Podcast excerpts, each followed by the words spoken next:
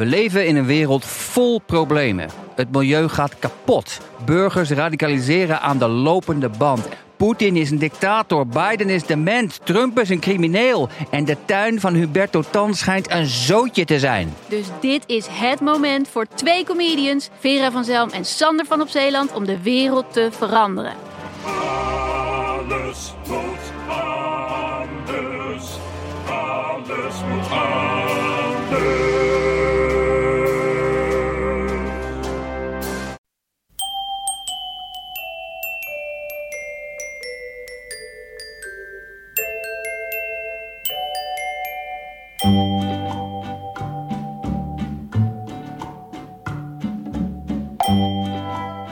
Welkom bij aflevering 268 van Echt Gebeurd. De podcast waarin waargebeurde verhalen worden verteld door de mensen die ze zelf hebben meegemaakt. Maar waarin ook af en toe iemand voorleest uit het dagboek dat hij of zij bijhield als puber. In deze aflevering het puberdagboek van Bo van der Borst.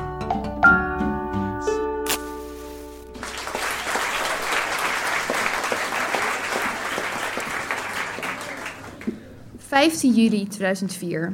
Ik ben 15 jaar en ik ga op vakantie met mijn ouders en mijn twee jongere zusjes. Na een fucking lange reis, kreun en steun... ...hebben we eindelijk het huis gevonden van de man die ons naar ons huis zou brengen. Iedereen shaggy, ik dus ook. En na vijf kilometer bospad, besneeuwd met keien en andere leuke beestjes... ...komen wij eindelijk aan bij onze grande villa... Oftewel, het huis waar ik de komende negen nachten moet doorbrengen. Aangezien ik nu shaggy ben, vind ik dit echt een kansloos huis. Waar ik ook kijk, alleen maar bomen en bomen. Niet dat ik niet van bomen hou, maar 25 heuvels vol, daar krijg ik het toch een beetje benauwd van. Maar in mijn achterhoofd hou ik mezelf bij elkaar door te denken: waarom ben je hier? Om bruin te worden.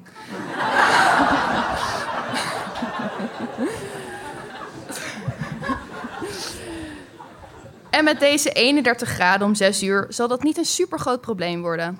Gewoon mezelf veranderen in een hotte beach babe. Hahaha, ha, ha. dan kan ik mezelf beter direct opgeven voor extreme makeover. Ik word al vrolijker. Morgen gaan we denk ik naar zo'n mega grote supermarkt om daar een zwembadje te kopen. Want het is hier dan wel lekker warm. Alle rivieren staan fucking droog. Terwijl mijn zusjes zojuist een wilde sprinkhaan op mij loslaten. Ah, ze zijn lekker nerdy beestjes aan het zoeken. Oké, okay. Krikkie de sprinkhaan gaat dood. Ze hebben hem verminkt en willen hem nu niet langer laten lijden. Ik ga echt lachen als ze hem nu ook nog gaan begraven. Ze gaan het nog doen ook. Ze gaan hem in de bloempot begraven. Die arme Krikkie, zijn hele leven hard gewerkt om dan uiteindelijk gemarteld en vermoord door mijn evil sisters in een bloempot te eindigen. Oh nee. Lin zingt voor Krikkie een afscheidslied. Is dit echt mijn familie?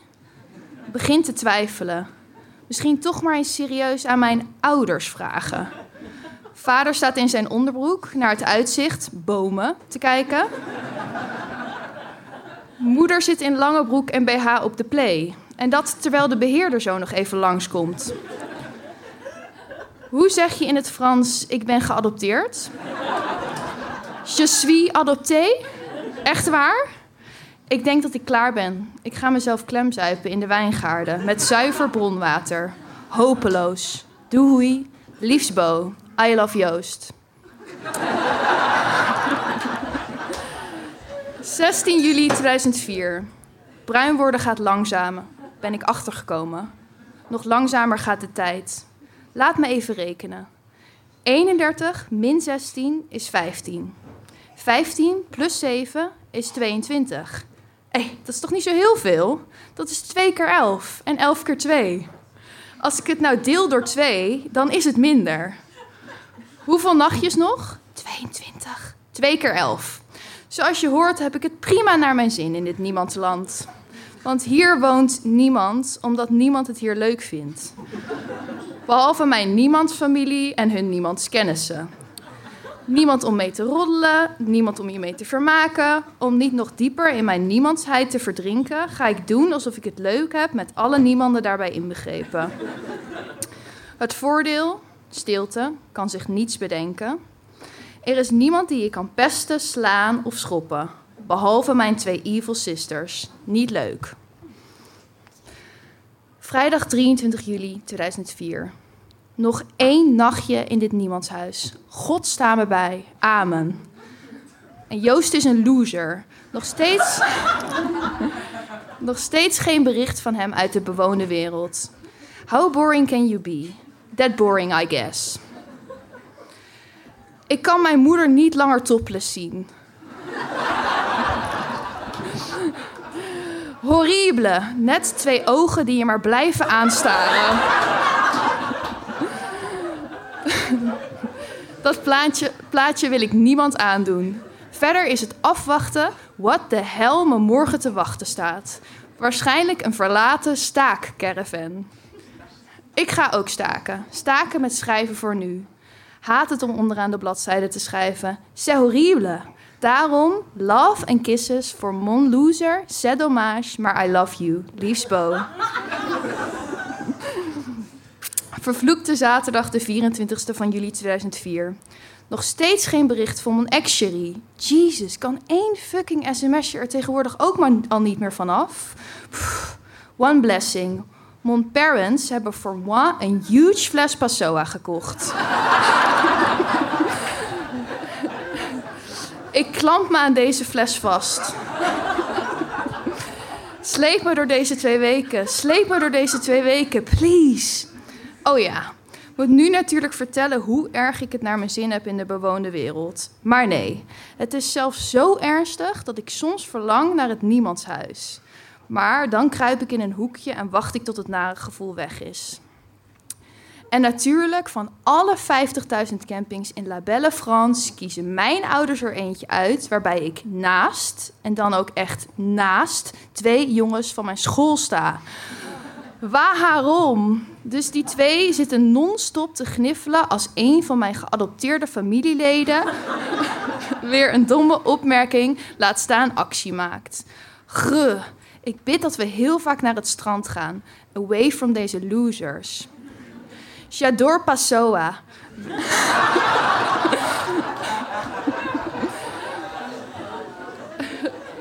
Wedden als ik het buiten drink, ze niet meer kunnen kappen met gniffelen. Want ja, deze jo- jongens doen dat. Trek kakkie.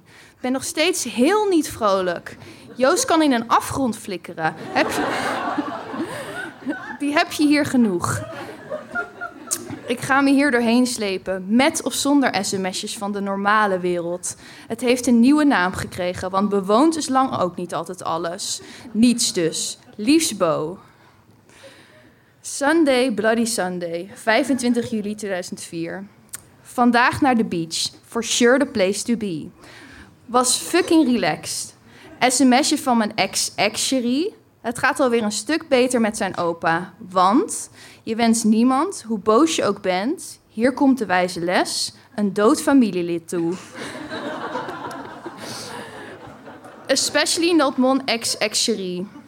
Ben al lekker bruin, met nog twaalf nachtjes te gaan. Tomorrow op de helft. Tralalalala. En de best?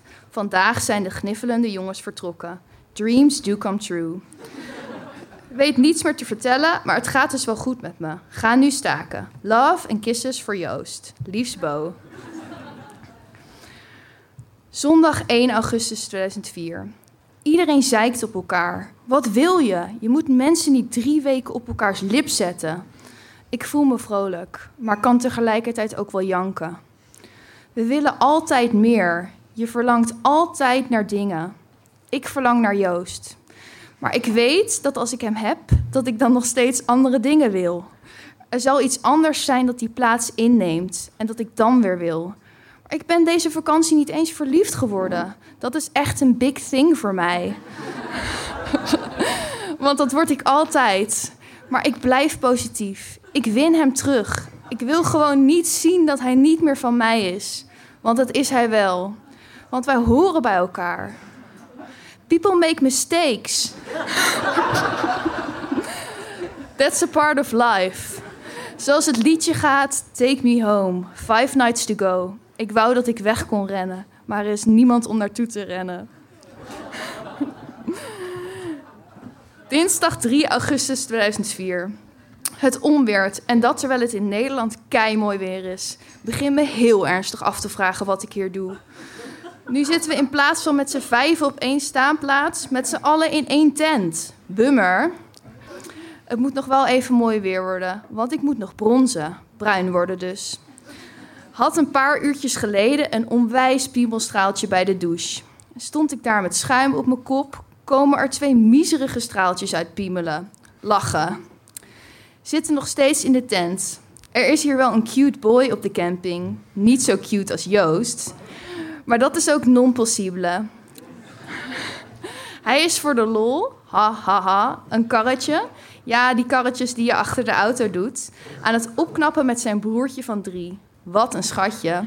Hoewel, Joost is natuurlijk honderdduizend miljoen keer schattiger.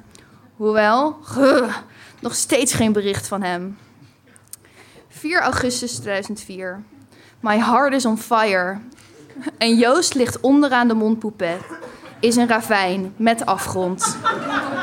Kusbo. 6 augustus 2004. Back home. Mis de jongen van de camping. Ik ben ook niet te volgen.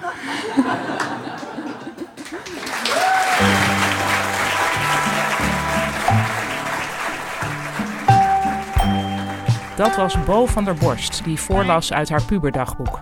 Bo is inmiddels 31 jaar en woont en werkt in Utrecht. Ze schrijft nog steeds in haar dagboek, laat ze ons weten, soms over haar nieuwe liefde, maar niet meer over Passoa. Als jij het ook aandurft om een keer uit je puberdagboek voor te lezen tijdens een Echt Gebeurd-middag, dan kun je je daartoe opgeven via onze website www.echtgebeurd.net. Onze redactie bestaat uit Micha Wertheim, Sanne Pols, Rosa van Toledo, Maarten Westerveen en mijzelf, Paulien Cornelissen. De productie doet Eva Zwaving, zaaltechniek deed Jasper van Oorschot. De podcast wordt gemaakt door Gijsbert van der Wal. Dit was aflevering 268. Bedankt voor het luisteren. En als je komende week shaggy bent, sta dan even stil bij de levensvraag: waarom ben je hier? Om bruin te worden.